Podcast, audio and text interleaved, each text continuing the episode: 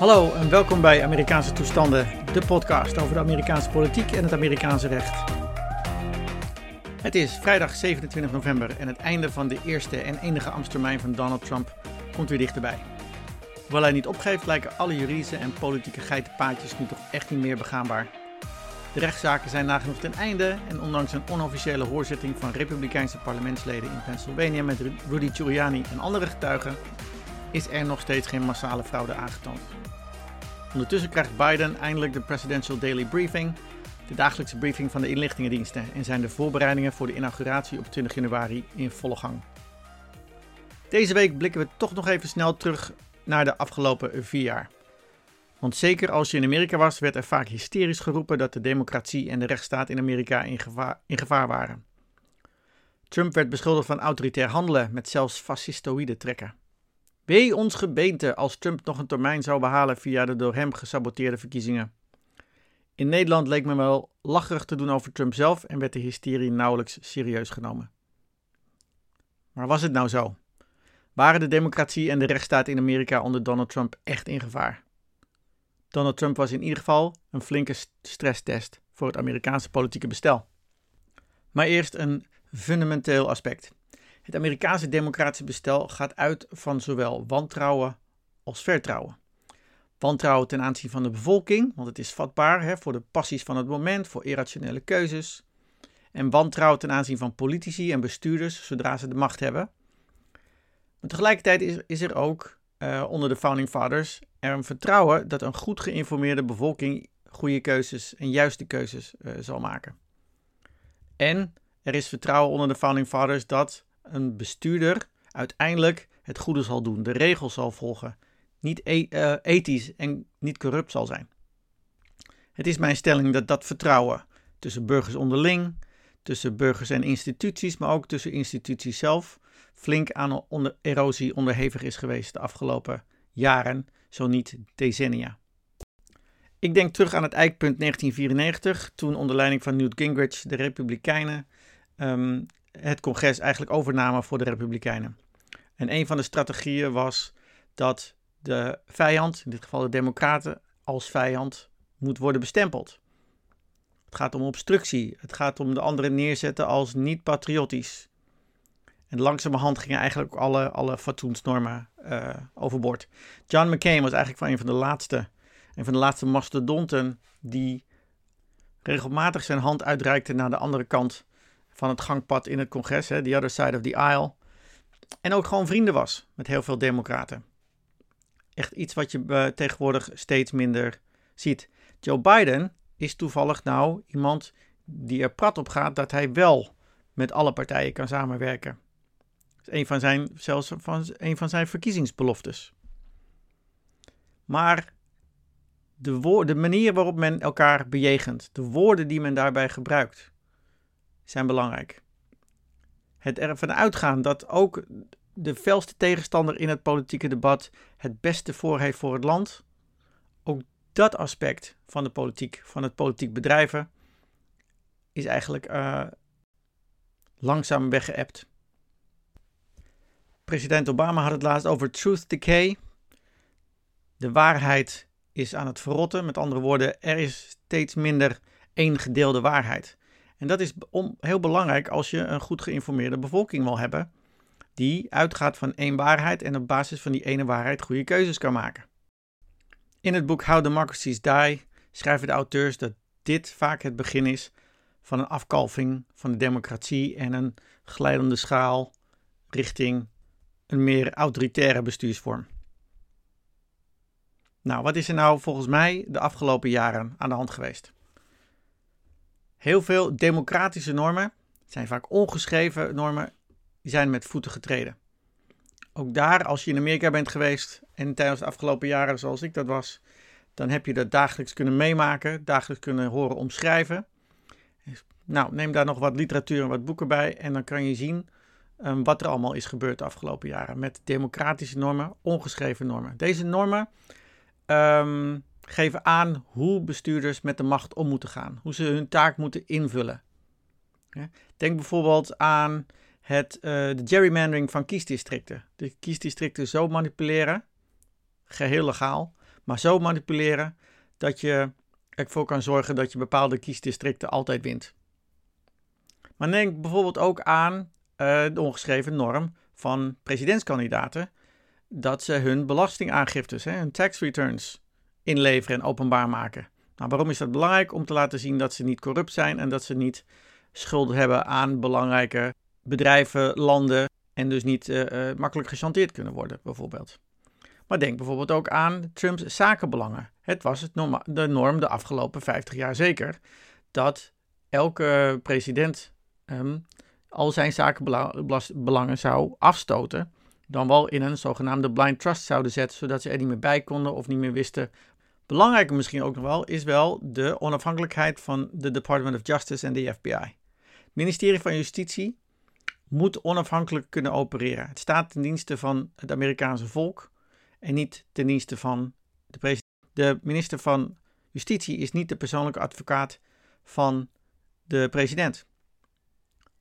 Officieel mag Trump in het van Justitie um, iets bevelen, zijn FBI-directeur ontslaan of iets uh, vragen.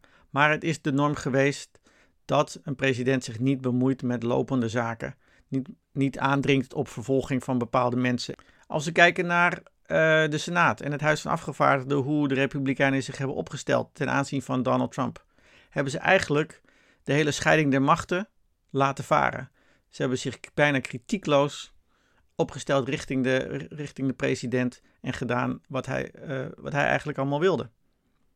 Of soms ook helemaal niet, zoals bijvoorbeeld de healthcare bill. Denk aan het meewerken aan congresonderzoeken door de president en door de Republikeinen. Als er objectieve aanleiding zou zijn, dan moet er, is de norm natuurlijk dat je gewoon meewerkt aan onderzoeken. En dat ook de uitvoerende macht, nou, de president, zich daarin schikt en zoveel mogelijk meewerkt aan onderzoek in, de, in het licht van transparantie.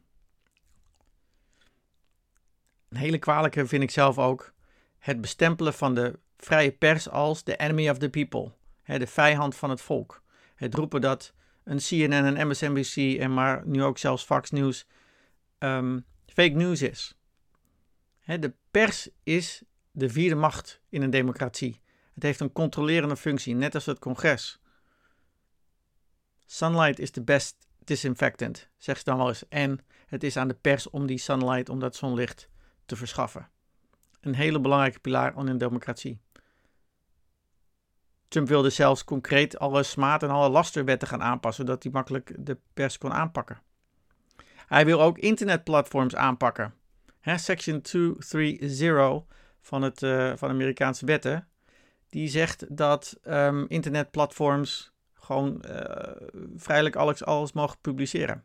Nou, als je internetplatforms als Twitter en Facebook gaat behandelen als een um, uitgeverij en die hun content ook controleren, dan kan je ze ook bijvoorbeeld aanspreken op wat er allemaal op die platforms wordt gezegd. Maar denk ook bijvoorbeeld aan het gebruik van het presidentschap voor persoonlijke doeleinden. In dit geval uh, de presidentsverkiezingen. Oekraïne, en de gronden voor impeachment die waren aangevoerd door het Huis van Afgevaarden. Hij had een officieel moment, een, telefoongesprek met de Oekraïense president Zelensky, aangegrepen om te kijken of hij Oekraïne kon bewegen om zijn politieke rivaal Joe Biden te onderzoeken. En als je me niet gelooft, dan blijf ik het herhalen. Read the transcript. Het gebruik van pardons, het gebruik van uh, gratieverleningen als drukmiddel als een soort worst uh, voor getuigen om vooral niet mee te werken aan een Mueller investigation of aan een ander congresonderzoek. Mike Flynn is net, uh, heeft net een pardon gekregen die belastend materiaal zou hebben over Trump. Maar denk ook aan de manier waarop het Hoge Rechtshof zijn nieuwe rechters heeft gekregen de afgelopen jaren. Obama kon zijn um, rechter Mary Garland niet uh, geen eens een hoorzitting uh, geven omdat Mitch McConnell in de Senaat dat weigerde.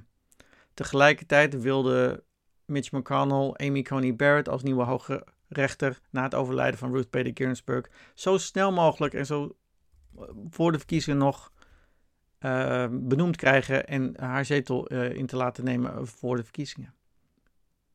Nou, en dan hebben we natuurlijk nog het hele verkiezingsdebakel zelf. Allemaal rechtszaken die worden gevoerd zonder bewijs. Ehm, geen enkele medewerking van Trump of zelfs maar een concession van Trump uh, dat hij heeft verloren. En altijd maar de overwinning blijven claimen. Met het schenden van die democratische ongeschreven normen raakt het vertrouwen in instituties verder achterop. Het congres was al zo bijzonder populair omdat ze niks gedaan kregen. Zorgt wat mij betreft ook voor een dalend vertrouwen in, uh, in dat orgaan. Denk ook aan de politisering van rechters en van het Hoge Rechtshof zelf. rechters uh, en het recht zelf zijn een politieke speelbal geworden. Je zou kunnen zelfs kunnen zeggen dat de onafhankelijkheid van het Hoge Rechtshof onder druk is geweest de afgelopen uh, maanden wellicht vanwege druk vanuit Trump. Die wilde dat Obamacare door het Hoge Rechtshof zou worden afgeschaft. Um, en dat Amy Coney Barrett en een conservatieve meerderheid hem wel zouden helpen bij de uiteindelijke verkiezingen. Maar Kenneth roepen ze dan. Alles ging toch volgens de geschreven regels. Trump gaat toch gewoon weg. Op Twitter zei men: wat een huilie-huilie allemaal. Ja, is misschien zo. Maar het schenden van al die ongeschreven regels zijn de opmaat voor volgende stappen. dat inderdaad die Section 230 wordt uh, aangepast en dat internetplatforms uh, kunnen worden aangepakt door, uh, door de overheid. Of dat die lasterwetten worden aangepast en de persvergunningen misschien hier en daar worden, worden ingetrokken. Of misschien nog erger, dat politieke tegenstanders misschien worden onderzocht en worden vervolgd. Mijn stelling is: de democratie en de rechtsstaat zijn flink ondermijnd en aangetast onder Donald Trump, maar inderdaad nog niet omvergeworpen. Maar als rechters nu zo vaak als allerlaatste vangrail moeten dienen, dan is er wel iets mis. Ik zei het al eerder: het vertrouwen tussen burgers, tussen burgers en instituties en tussen instituties onderling is bijna weg.